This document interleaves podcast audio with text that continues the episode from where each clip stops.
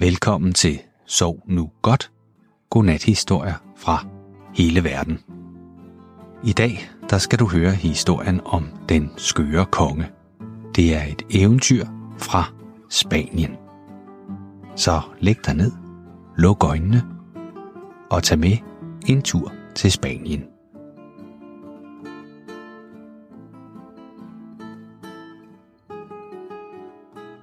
Der var engang en konge. Han var så ondskabsfuld, at han ikke tillod enker, altså mødre eller kvinder, som har mistet deres mænd, at bo i hans kongerige.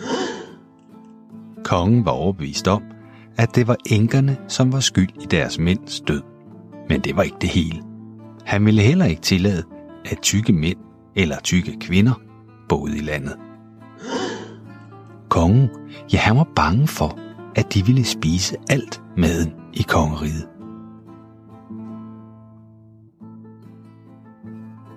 Hans undersåtter var faktisk så bange for kongen og alle hans love, at de gifte kvinder i kongeriget hele tiden måtte holde øje med deres mænd. De var bange for, at der skulle ske dem noget. Hvis mændene for eksempel blev blege, eller havde en dårlig søvn, eller mistede appetitten, ja, så ville kvinderne passe på dem dag og nat. Fordi kvinderne, de var så bange for at blive enker. De var bange for, at der skulle ske dem noget. Hvis mændene for eksempel blev blege, eller havde en dårlig søvn, eller mistede appetitten, ja, så ville kvinderne passe på dem dag og nat. For kvinderne, de var så bange for at blive enker, at de hele tiden var enige med deres mænd om alting. Kvinderne, de var bange for, at hvis de nu blev uenige med deres mænd, ja, så ville mændene begynde at spise alt for meget og blive tykke, eller noget værre kunne ske. De kunne måske dø.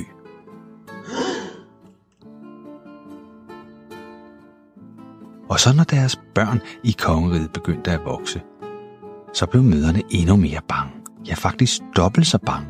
For nu var de jo bange for, hvad der kunne ske med deres mænd, men de var også bange for, hvad der kunne ske, særligt med deres drengebørn.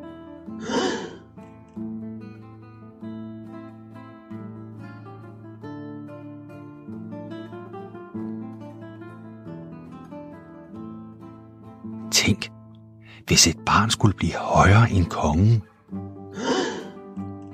Og de kunne jo ikke bare give dem rød grød med fløde. Det er jo meget usundt. Og det er jo noget, man ikke vokser af. Og hvis de fik for meget frugtgrød, ja, så ville de jo bare blive meget tykke. Og hvis de gav dem for mange sunde grøntsager, ja, så ville de jo blive tynde. Men så ville de også blive meget høje. Så det var faktisk slet ikke spor let at bo i kongeriget. Inden længe, så var det sådan, at der i kongeriget var flere mænd, som var krumrykket end noget andet sted i hele verden. Ja, for det, det var blevet sådan, at så snart børnene begyndte at vokse og nærme sig kongens højde, ja, så ville deres forældre hænge nogle meget tunge vægte på deres skuldre. Sådan at børnenes rygge til sidst blev helt bøjet og krummede sig sammen. Ja, og så var det jo pludselig meget svært at være ung mand i den skøre konges kongerige. For de unge mænd, de havde meget svært ved at finde sig en kone. Der var nemlig ikke så mange piger, som ville gifte sig med mændene, fordi deres ryg var krum. Og pigerne, de var også bange for, hvad der kunne ske med deres mænd, hvis de giftede sig med dem. Ja, tænk nu, hvis manden blev syg af den krummede ryg, og måske endda døde. Ja, så ville de jo blive enker, og så må de ikke længere bo i landet. Ja, nu var det hele jo ikke helt skidt i kongeriget med den onde konge. Nej, der var faktisk flere af de gifte mænd, som jo måtte indrømme, at øh, deres forhold havde forbedret sig betydeligt. Ja, altså for eksempel, så var der jo blevet bygget en stor, bred vej rundt om byerne og landsbyerne. Og her kunne alle, der var lige ved at blive for tykke, ja, så kunne de løbe og træne og springe over forhindringer. Ja, for så kunne de jo tabe sig. Og, og så behøvede mændene heller ikke gå i kirke for at få at vide, at nu skulle de faste på bestemte tidspunkter. Så på den måde, så synes mange af mændene faktisk, at de havde fået en ekstra fridag. Det var jo ikke helt skidt. Nu ligger du måske og tænker, ah, de er lidt dumme, de der i den der kongens kongeri.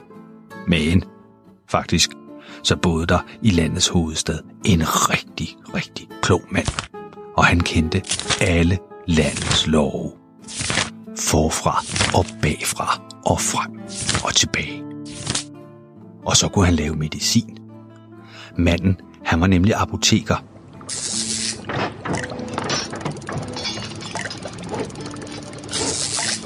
Han var også landets bødel.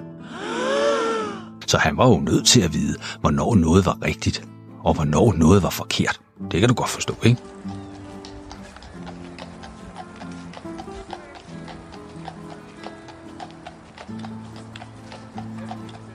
En dag så red der en lille flok af landets beboere hen til den kloge mand. De ville klage over tingenes tilstand. Og en lille, krumrykket mand, han trådte frem foran den mægtige bødel, som jo så meget klog ud. Og så skyndte han sig ellers at sige, hvad det var, at de var blevet enige om, at han skulle sige. Og den kloge bødel, han tykkede lidt på det og lyttede lidt til den lille mand med den krum ryg. Og så sagde han, Vores ærede konge har jo meget generøst og storstilet belønnet jeres loyalitet til ham.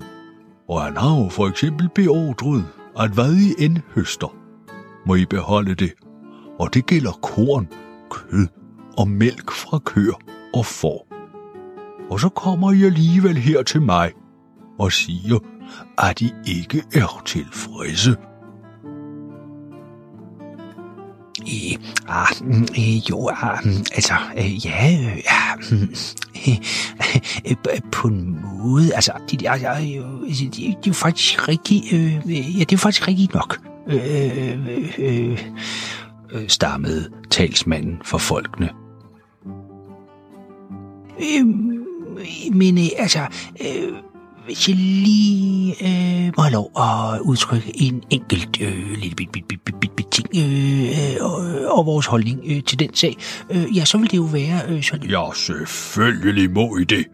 afbrød den kloge bødel, og så tog han sin økse frem og kørte hånden frem og tilbage på det skarpe øksehoved. Hvorfor øh, skulle I ikke måtte det? Sig da endelig frem. Men nu var den lille mand med den krumme ryg smuttet om bag flokken, og det var meget tydeligt, at de andre medlemmer af flokken hurtigt indså, at det nok ikke var så smart et træk at blive uvenner med bødlen. Så ville deres koner jo blive enker. Og da flokken ikke svarede, så fortsatte bødlen med at sige, at kongen jo efter hans mening havde været yderst hensynsfuld. Ved loven mod enker havde han jo bidraget til mændenes lykke og lange liv, og ved at fremsætte et forslag om, at ingen mænd måtte overskride vis højde, og hverken mænd eller kvinder måtte blive for tykke, ja, så havde han jo sparet befolkningen rigtig mange penge, og deres tøj ville jo for eksempel blive være mindre og koste mindre, og de ville spise mindre. Ja, faktisk så så bødlen slet ikke nogen grund til utilfredshed. Men da den nu alligevel var kommet hen til ham som en samlet flok, så følte han det som sin pligt at lægge deres påståede klager frem for kongen. Og han var sikker på, at kongen selvfølgelig ville svare dem på passende vis.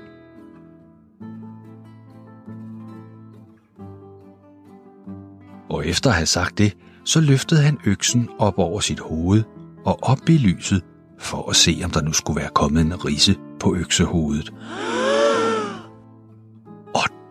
Fik de stakkels mænd og kvinder i flokken til at ryste af skræk. Og de råbte i kor, at de selvfølgelig var meget glade og øh, meget tilfredse, og øh, alt var godt. Ja, faktisk øh, kunne det ikke gå bedre, når du lige fik tænkt sig om. Ja, det hele var strålende. Helt fantastisk, faktisk. Ja, nå, men nu må det vist også hellere se at komme hjem. Men nej, bødlen han tillod ikke, at de sådan trak sig tilbage. Folkets klage var en meget alvorlig sag, og den skulle selvfølgelig forelægges kongens ører. Og folkene de blev så bange, at de løb og sprang ud af vinduerne lige så hurtigt, som de kunne. Og da kongen hørte alt på styret, så sagde han blot,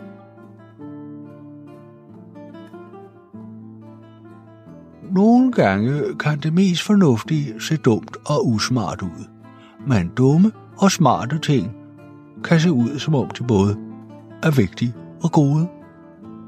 Hm. Godnat og sov godt.